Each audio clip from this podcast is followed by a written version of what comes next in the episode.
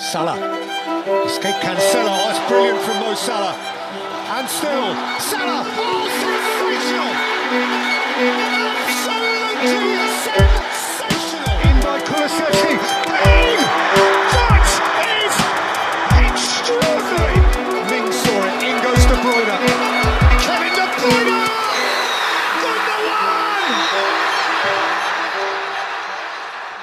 Hej allihopa och välkomna tillbaka till FPL ikväll. Vi har precis varit med om en omgång 24 där ja, vi hade bänkproblem igen Gustav.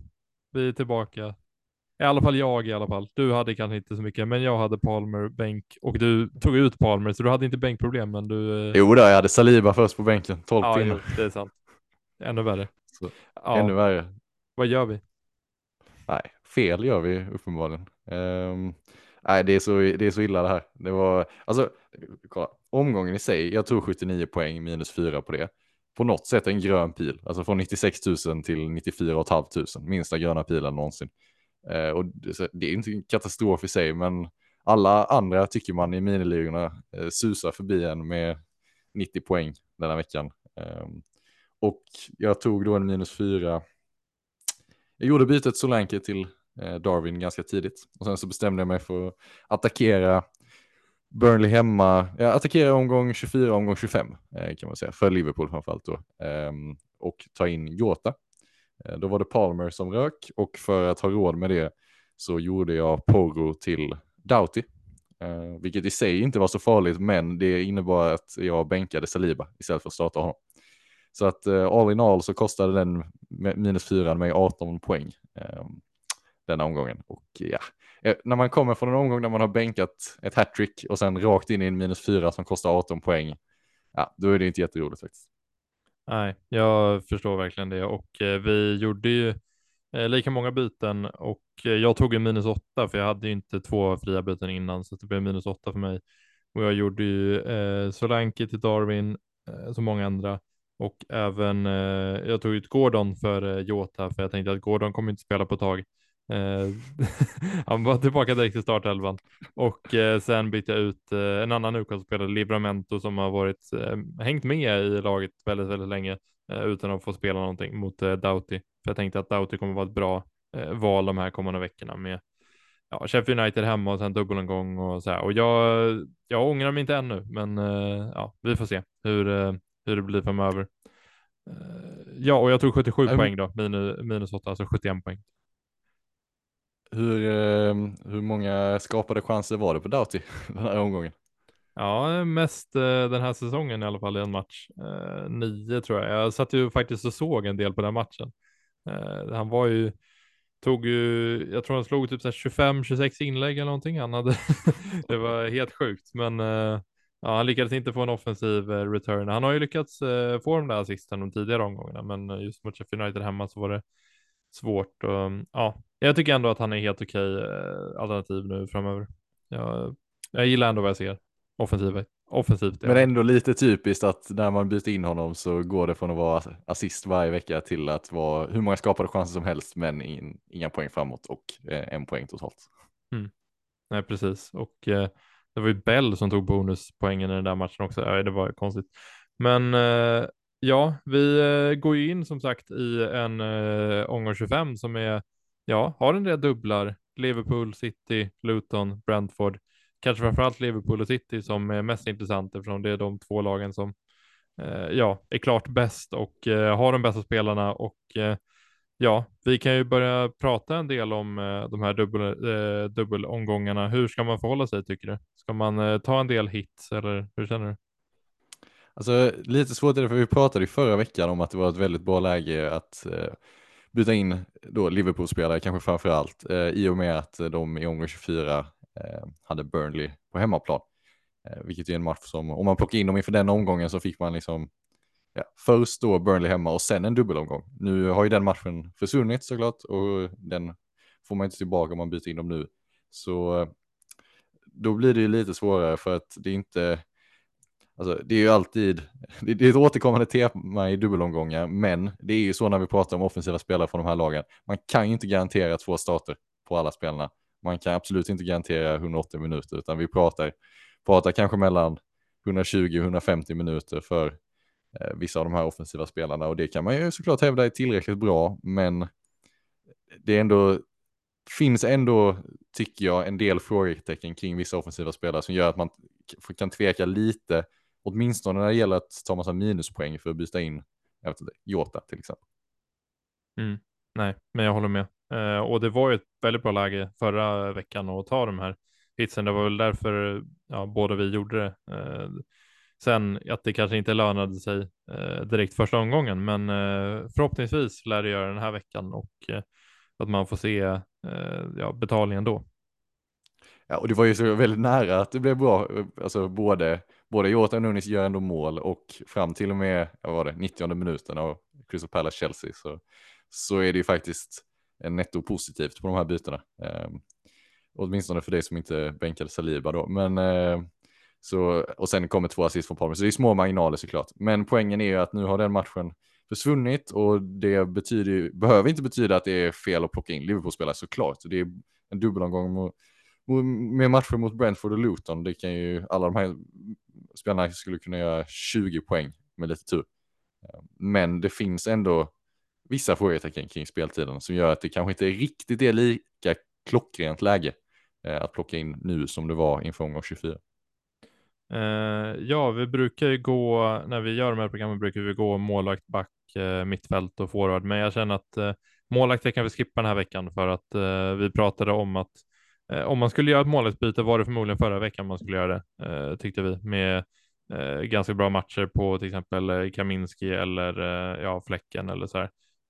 men, eller Allison för den delen. Så att, nu känner jag att vi går vidare direkt till en annan Liverpool-spelare i Trent, för att han eh, har vi fått i princip bekräftat att han missar Carabao Cup-finalen och det betyder att han missar båda matcherna i omgång 25 också. Precis, och eh, då, det förändrar ju en del. Jag tycker det är lite trist som eh, har Trent och eh, är väl medveten om att de som inte har Trent kanske får lite problem, hade fått lite problem att byta, byta in honom egentligen. I och med att han är så pass dyr som han är. Det är inte helt enkelt att hitta ett sätt att få in Trent. Så jag såg fram emot att ha, ha honom i laget för en dubbelomgång där hans ägandeskap inte är 100 procent. Liksom. Det var inte alla som hade, hade tänkt ha honom. Eh, men nu blev det inte så och ja, man måste ju byta ut honom. Eh, frågan egentligen är ju om man måste göra det denna veckan eller om man kan eh, ha råd att spara bytet, skicka ut en trebackslinje med ja, de andra backarna man har och sen göra bytet i omgång 26. För det tycker jag ju faktiskt att man ska, alltså man måste inte paniksälja Trent om man har tre, om man har tre backar som eh, är okej okay att starta denna veckan. Så att säga. Eh, om man har Arsenal-backar till exempel eller har, har en Doughty som ja, tuff match, men, tuffa matcher men åtminstone en dubbel. Eh, så där får man ju, det är väldigt specifikt för hur en slag ser ut, men vill ändå lyfta upp det alternativet att man måste faktiskt inte sälja Trent om man har möjlighet att att skicka ut en okej okay backlinje, för då kan man ju spara bytet istället, vänta så man får lite mer info så man faktiskt vet vem den bästa ersättaren är och göra bytet i omgång 26. Ja, okej, okay, ja, men eh, det är ändå ganska många som kollar mot att byta ut honom antar jag och eh, om du, du är ju i den situationen och jag antar att du kommer att sälja honom, vem, vilka backar är det du, du kollar mot just nu? Det är svårt, det finns inga eh, solklara alternativ tycker jag. Arsenal-backar först och främst om man inte har det. Eh, har man ingen Arsenal-back så tycker jag man kan byta in Gabriel. Eh, för att det är ligans, ja, bäst, det är väl ligans bästa försvar om man ser till de underliggande siffrorna. Håller en del nollor, Gabriel offensivt hot. Ehm, och bra match nu i omgång ingen dubbel men det är Burnley, bra match och spelar. Har en match i omgång 26 och ja, generellt ett försvar som man vill ha spelare från. Har man redan, ja, säg att man har Gabriel då kan jag förstå om man kanske inte vill dubbla upp, dubbla upp och byta in Saliba också, utan om man då tittar på eh, Citybackar till exempel. Um, hur, du har ju i med dubbeln då såklart. Du har ju Kyle Walker. Eh, är det fortfarande så att du tycker att han är den bästa backen att ha från City eller hade du kollat snarare mot Akea kanske? Ja, jag hade nog valt, om jag hade valt eh, från alla Citybackar just nu hade jag nog valt eh, Ake ändå. Eh, jag tycker att eh, Walker absolut kan starta de här tre kommande matcherna, men det är inte, jag tror att eh, speciellt när Guardiol inte är med i truppen, då känns det som att Ake Eh, ja, i förhållandevis given i alla fall i, eh, av alla citybackar som man kan tänka sig. I Walker-rollen så finns ju Stones där som kan spela den positionen och det, det är lite jobbigt, men eh, jag tycker ändå City blev bättre när Walker blev inbytt senast, så att jag hoppas att han får de här eh, två raka starterna nu i alla fall i dubben och sen förhoppningsvis spelar han i 26 också. Det, man kanske inte kan förvänta sig det, men eh, med tanke på att Walker startade alla matcher Eh, hela säsongen innan eh, de här två som har varit nu så hoppas jag att han kan eh, ja, starta några nu i rad här. Men jag skulle nog välja Ake delvis för att han är lite mer given, men också kanske lite mer målfarlig än vad eh, Kyle Walker Jag håller med, jag tycker att Ake är det ganska klart bästa valet från City och landar nog ändå i att han är det bästa valet eh, overall också om man letar efter ersättare till Trent. Eh, har vi startat typ åtta raka PL-matcher och sånt och eh, när Guardiol är borta så, så räknar jag med att han kommer fortsätta starta. Sen såklart, man vet aldrig med Pep vad som helst kan hända. Det kan komma en bänkning från ingenstans och helt ärligt skulle någon vara förvånad då, det tror jag inte. Men eh, sannolikheten att han fortsätter starta är ändå ganska hög. Så eh, Akea Ake gillar jag absolut. Eh, Sen måste vi väl ändå prata om eh, Liverpool och de alternativ som finns där. Eh, det kanske är en hel del som tycker att det känns logiskt att bara göra det raka bytet till van Dijk till exempel. Eh, eller gå hela vägen ner till en spelare som kanske hoppar in och ersätter, eh, tar Trents plats i startelvan och kostar typ hälften så mycket som Trent gör i FPL. Connor Bradley.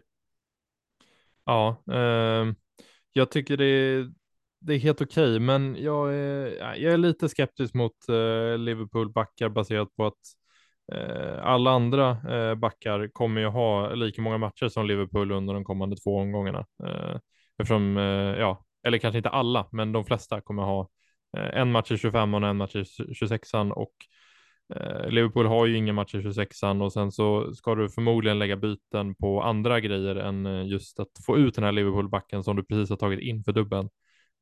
Så kanske vi tar ut honom igen och ja, jag vet inte om det är värt liksom en minus fyra för att göra just det, för att få in de här Liverpool-backarna. Så att, även fast Bradley har varit bra så det är ju inte helt givet att han startar den här matchen heller. Alltså de kan ju spela Joe Gomez typ som högerback och Robertson på vänsterbacken. Uh, för alltså Conor Bradley vet vi inte heller om han har återhämtat sig från uh, hans personliga problem. Så att, uh, ja, vi, man får vänta på info där kanske. Ja, det var det jag skulle komma till, att det är ju inte helt givet att Bradley startar på de här matcherna. Eh, och sen, visserligen så har jag en del höjd även om han skulle eh, starta en och hoppa in igen, men inte tillräckligt mycket för att jag tycker att det ska vara värt att plocka in honom, eh, trots att han är så billig. Utan jag känner nog att ska man kunna plocka in en Liverpool-back så ska man ha ett väldigt bra lag till omgång 26 redan och känna att man har stenkoll på hur man ska lösa den omgången. Om man vet att man kommer få lite problem i omgång 26, vilket de ganska många kommer få, så eh, är jag inte övertygad om att det är rätt läge att plocka in van Dijk till exempel. Utan då hade jag hellre eh, gått på en Arsenal-back till exempel. Eh, om man redan har tripplat upp på City och inte kan, inte kan plocka in Ake. Ehm, så det är väl i den lite övre priskategorin kanske. Ehm, City, Arsenal, Liverpool man kollar mot. Men måste ju ändå ta upp ett par alternativ som är lite billiga i alla fall. Regilion till exempel. Eh, Brentford kostar väl 4,4. Eh, och Brentford då enda laget som har en dubbelomgång nu i omgång 25, spelar i omgång 26 och är garanterade att spela i omgång 29. Som omgång 26 och omgång 29 då blankomgångar.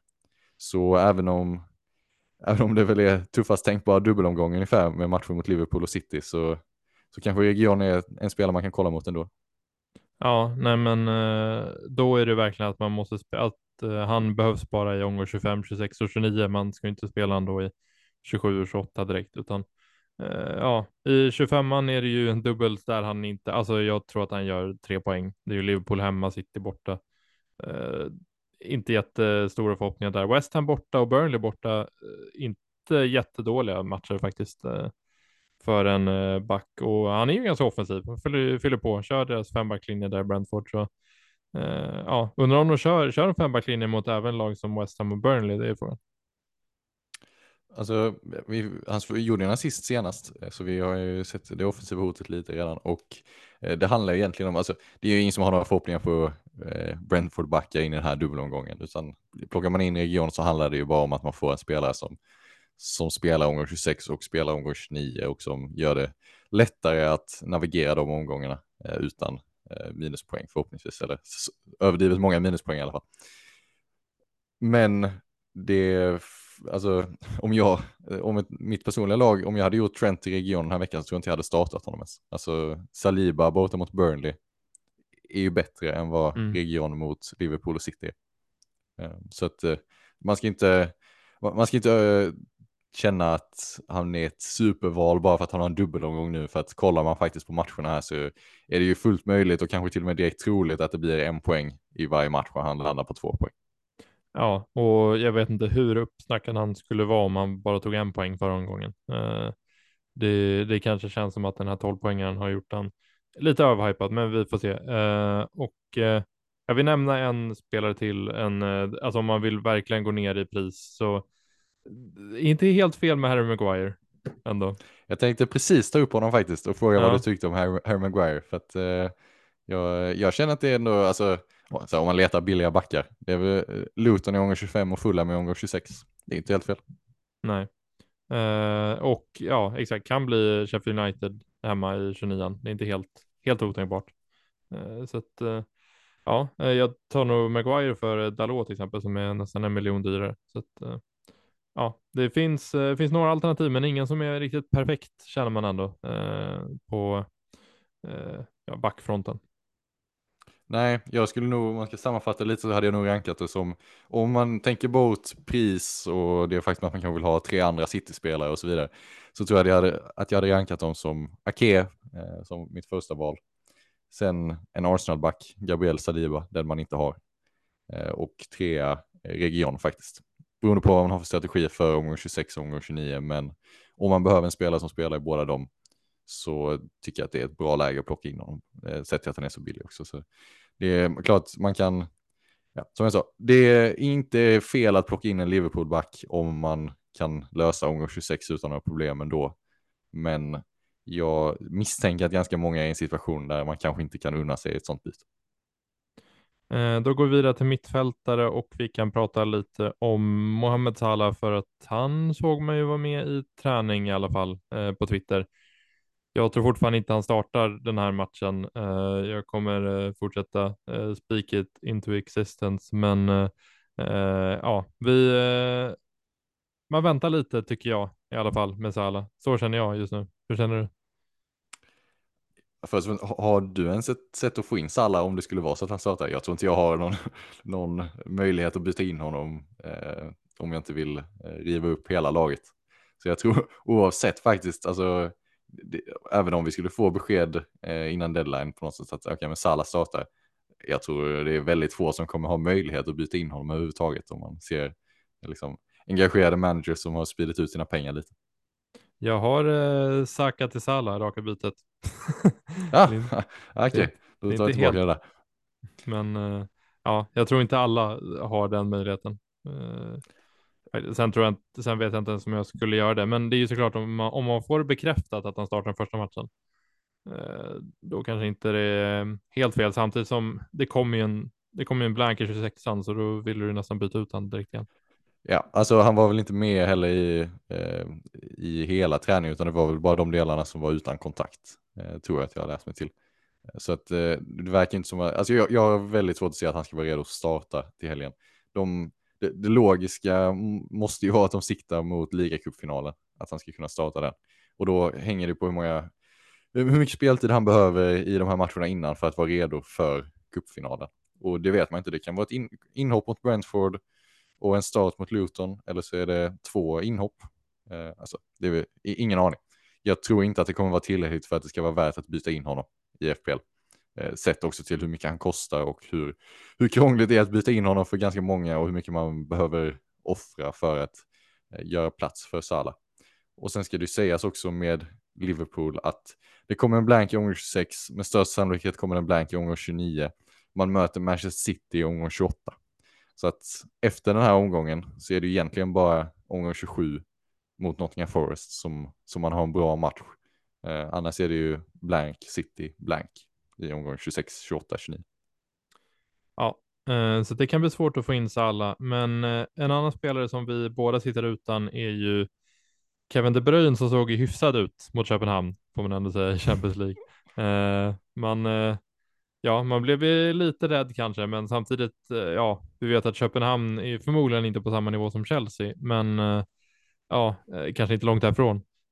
Men ja, vi, ja, just nu ser, ser det ut som att vi inte får in han. Du har ju en möjlighet nu med Trent borta i alla fall. Så får man ändå säga. Ja, det är väl eh, eh, en fördel i sådana fall att man skulle kunna eh, frigöra lite pengar där eh, med Trent ut och in. Men det är första, första frågan, nyckelfrågan med Kevin De Bruyne den här veckan är ju speltiden.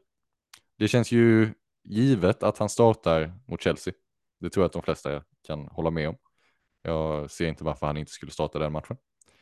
Han vilade ju, Eh, så att han satt på bänken till en början i alla fall, mot Everton i omgång 24. Spelade nu i CL. Eh, om man då utgår från att han startar mot Chelsea. Sen är det då Brentford på tisdagen, Chelsea lördag kväll och Brentford tisdag kväll. Ny omgång, omgång 26, lördag mot Bournemouth därefter. Och sen på tisdagen så kommer det en fa Cup-match mot Luton. Hur ser du på De Bruynes speltid över de här matcherna? Uh, ja, med risk för att låta lite biased här kanske att man inte äger honom så det känns som att det är en ganska kort turnaround mellan lördagen och tisdagen där och Pep har ju pratat lite om att han gillar att uh, kasta in honom och förändra en matchbild, uh, vilket han lyckats väldigt, väldigt bra med, framförallt mot Everton senast. så att som du säger, Chelsea-matchen är helt givet att han startar, men tisdagsmatchen mot Brentford, det är såklart att City behöver ta varenda poäng de kan ta i ligan. De eh, leder ju inte. Så att eh, absolut att han kan starta den Brentford-matchen också. Det säger jag verkligen inte emot. Men eh, över de här två omgångarna kanske 100, man kan säga 150-160 minuter någonstans där tror jag. Jag tror han får ganska mycket minuter ändå, fast jag inte har honom, vilket är lite jobbigt. Alltså jag, jag, tror inte att han kommer sitta bänk i omgång 26 i och med att eh, då känns det mer logiskt att vila honom i fa matchen på tisdagen istället. Så frågan, frågan för mig är om han då startar mot Brentford. Och alltså, det är klart att det skulle kunna komma en vila här. Men jag tycker ändå att City, ja, tycker, det är klart att City spelar mycket bättre när Kevin De Bruyne är på planen och jag tycker att Brentford är ett sånt lag som eh, Pep borde känna att De Bruyne behövs mot. De kommer stå lågt och De Bruyne är ju såklart den absoluta ny nyckelspelaren för City när det kommer till att dyrka upp den typen av försvar. Så jag ser det faktiskt inte som omöjligt att han startar de här tre matcherna och sen vilar i FA-cupen. Ehm, jag tror inte att han får 90, 90, 90 såklart, men ja, 90, 70, 70 är faktiskt inte helt omöjligt. Och ja, det, det kanske är lite väl optimistiskt, jag vet inte. Poängen är lite att vi vet inte och det är väldigt, väldigt svårt att veta. Så därför får man lite eh, göra en bedömning om man tycker att det är värt att chansa på att han startar de här matcherna. Det ska också sägas att det kanske inte är hela världen om han bara spelar 30 minuter mot Brentford. För om man då spelar fler minuter i omgång, ja, första matchen i omgång 25 och kanske spelar 90 mot Bournemouth i omgång 26, då kanske han, man tycker att han har sån höjd som spelare att det är värt att byta in honom ändå. Mm. Nej, men det känns ju som att han kommer vara en ganska bra eh, differential kanske han inte är, men eh, nästan och eh, är ju väldigt fin i den där. Ja, det, är, det är högt ägandeskap dock. Det är högt ägandeskap. Mm. Alltså, jag tror att om man, även om man trippelbindlar Håland den här veckan, har man inte De Bruyne så tror jag inte man vill att Håland ska göra mål om det är De Bruyne som passar fram. Alltså om man bara, om man bara ser till om det är positivt för ranken eller inte. På de höga, eh, alltså de, de bra ranken så tror jag inte att, eh, att det kommer vara, vara positivt för en om man inte har det bra. Nej.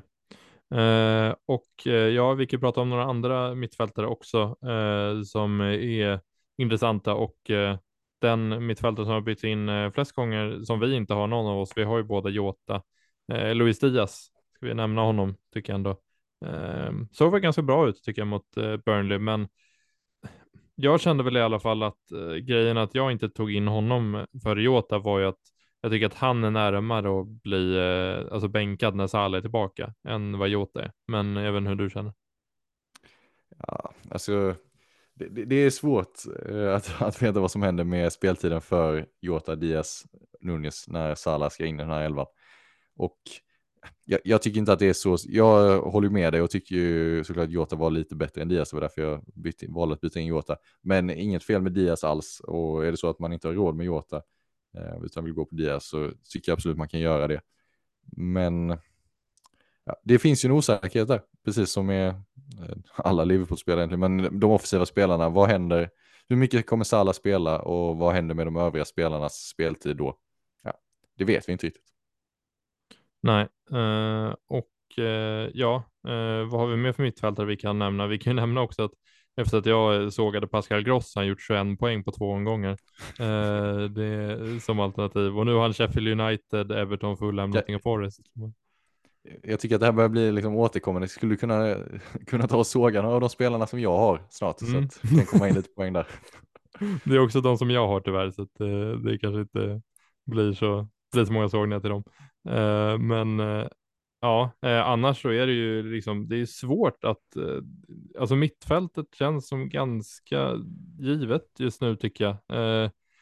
Man sitter på Sakari, Charlison, Foden och sen typ De Bruyne eller Jota eller Diaz. Typ. Palmer, är det rimligt att byta ut den här veckan? Det hänger såklart på vem man vill byta in, men om man känner att man har eh, tror på speltiden för, säg Jota eller Diaz eh, och att det då är Palmer man måste offra. Tycker du att det är värt? Jag tycker det beror helt på hur laget ser ut. Eh, alltså det är ju det är ju tråkigt att säga så, men om man är tvungen liksom att bänka en Richarlison eller Saka för att ta in eh, Diaz istället för Palmer så tycker jag verkligen inte det är värt det. Men eh, Eh, om man till exempel just nu har liksom Palmer i startelvan, absolut, då kan jag definitivt se ett eh, byte till en spelare som eh, ja, men Jota eller Diaz eller Foden om man inte har dem eh, så. Så att, eh, det är väl så jag skulle se på det. Eh, men eh, ja, hur känner du? Ja, jag, jag håller med, men ja, man ska inte behöva, man behöver inte göra det bytet om det betyder att man måste bänka en spelare som man gärna hade startat egentligen. Men jag, jag sålde ju Palmer förra veckan.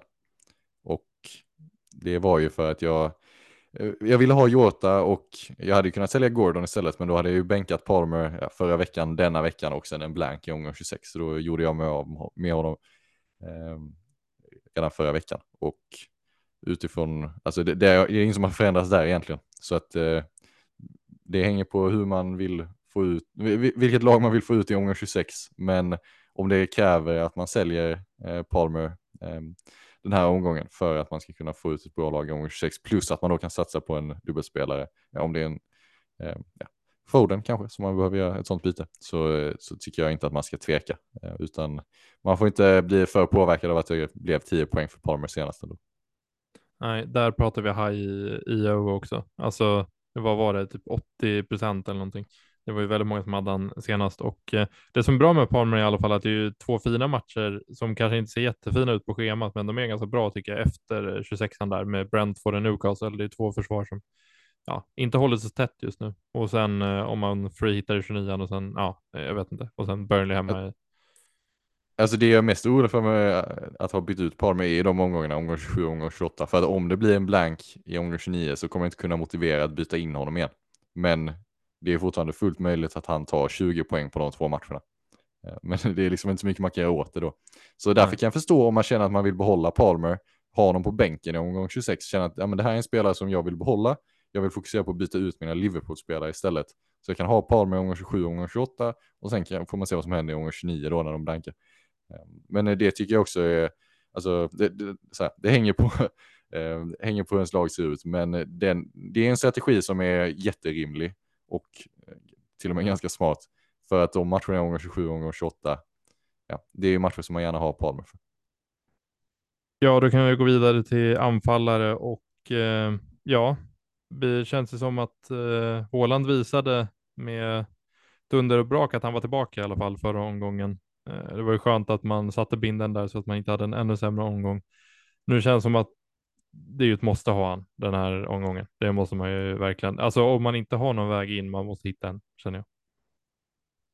Ja, det är väl, det är väl så enkelt. Minus fyra, minus åtta. Det är free hit, lite vad som helst är värt det. Uh, för att uh, ja, det blir jobbigt att uh, det, det, blir jobbigt bara att inte, liksom, för de som hade planerat att inte trippelbindla Håland, de kommer få det jobbigt den här omgången. Att inte ha dem överhuvudtaget, det, ja, det känns dumdristigt. Ja, då kan det bli några röda pilar. Eh, några andra forwards man kan prata om, Darwin är såklart ganska inbytt, eh, gjorde ett mål senast och ett gult eh, som vanligt. Eh, och ja, han eh, tycker man ska ta en, eh, om vi säger en hit för eh, Darwin här om man äger, ja, mm, säg Alvarez till exempel. Man går Alvarez till Darwin. Hur känner du? Det tycker jag inte. Eh, Alvarez är ju ganska intressant för jag tror, han har ju faktiskt startat varje Premier League-match den här säsongen. Det var lite chockerande när jag såg det, men eh, han har alltså startat varje match i Premier League. Eh, så jag tror visserligen inte att han startar nu på lördag mot Chelsea, så jag tror att den eh, sviten riskerar att brytas här. Men jag tror att det finns en ganska bra chans att han startar mot Brentford. Att Pep kör, ja, antingen att eh, Alvarez startar istället för KDB, men eh, finns ju också alternativet som, som de eh, eh, skickade ut senast mot Brentford, bara för några veckor sedan. Eh, att De Bruyne, Foden, Alvarez, Haaland, alla spelar. Mot, eh, eh, mot Brentfords fembackslinje och lågt stående försvar så funkade det ganska bra senast. Så mycket möjligt att Alvarez startar den matchen. Och det hade egentligen varit tillräckligt för mig för att behålla honom. Eh, om det då inte är så att man har Håland, Foden, Alvarez och vill göra Alvarez, eller sorry, Alvarez, De Bruyne, Foden och vill göra Alvarez till Håland, då gör man det såklart. Men jag hade inte, jag hade inte bytt ut honom för Darwin. Nej, och eh, om man kollar bland de andra anfallarna så är det väl typ Tony som man kanske kollar mot. Gör ju mål mot alla motstånd man har. Eh, Höjlund gjort mål i fem raka matcher nu. Trodde man kanske inte för eh, någon månad sedan. Eh, och ja, det är intressant att hålla koll på framförallt Höjlund tycker jag, eh, om han fortsätter så här. De har ju ganska bra schema framöver. Det är ett problem att det finns så många intressanta anfallare för att Tony är jättebra alternativ såklart, men om man har Håland, ja, alltså säg att man, okej okay, man kanske inte ens har Darwin, men om, även om man har Håland, Watkins, Solanke, ser du att man kan byta ut Watkins eller Solanke för Darwin eller Tony denna vecka? Det är svårt. Ja, det är väldigt, väldigt svårt och eh, man kan nämna också att Watkins är ju, har ju nästan 260 000 transfers ut nu, eh, bara för den här blanken senast. Så att, eh, det är ju en spelare som man tror, jag, jag tror man sitter ganska bra på han. Eh, de här, alltså han har ju en match i 26 och i 29 bekräftat. Så ja. det är ju inte, ja, alltså. och det är alltså, och matcherna, Fulham, Nottingham Forest, Luton, Tottenham och West Ham. Eh, mm. Från eh, omgång 25 till och med omgång 29. Nej, det, jag, jag, tycker inte man kan byta ut Watkins eh, nu. Och jag hade haft svårt att byta ut Solanke också faktiskt. Eh, för att eh, Newcastle, alltså det försvaret är inte så stabilt just nu. Så eh, Solanke kan absolut göra mål där. Och sen får de i omgång 26 så, ja, alltså har man inte Solanke så vet man att man kommer behöva lägga ett byte ganska snart på att byta in honom eftersom alla kommer ha dem inför då, när de dubblar i omgång 28. Sen om man byter in honom i omgång 28 eller omgång 26 kommer ju variera lite. Ehm, men förr eller senare måste han ju tillbaka och att då lägga ett byte nu på att byta ut honom. Jag gjorde ju det, vi gjorde det, det var många som gjorde det förra veckan. Men då var ju en del av det att man skulle få in Nunez inför Burnley hemma också. Nu när den matchen inte finns där längre så är jag ganska tveksam till om det bytet är värt det. Och det är många som kommer eh, eh alltså ha, eh, byta in Solanke för City hemma nästa. Så att, ja. eh, men och sen vill jag bara fråga dig hur du känner kring eh, för eh, Adebayo och Morris, eh, om man tänker lite långsiktigare så eh, kommer man förmodligen ta in någon av dem eh, framöver. Jag tycker det är lite svårt just nu att eh, välja mellan dem faktiskt. De är ju eh, samma priskategori och eh, ja, Morris spelar lite mer som ytter men tar straffar. Adebayo är lite mer central eh, men tar inte straffarna. Lite svårt kanske då. Välja mellan dem. Exakt, och då är ju den slutsatsen som känns naturlig för mig är att man väntar till omgång 28 så att man har så mycket information som möjligt innan man tar det beslutet. Eh, speciellt i och med att de blankar omgång 26.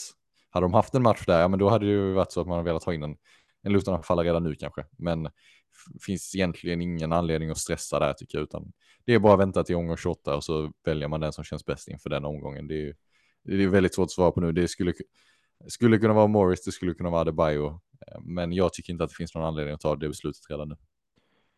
Eh, då går vi vidare till våra egna lag tycker jag och eh, ja, då kan vi prata lite om eh, trippelbinden och benchboost och de här grejerna. Som, eh... Exakt, vi måste ju ändå börja med eh, om det är dags att spela säsongens första chip är det väl mm. för vår del och för de flesta. Det är några som har dragit iväg några chip innan, men eh, ehm, det är, om vi börjar så här, vad skulle anledningen vara till att man inte spelar triple captain på Åland inför Chelsea hemma och Brentford hemma?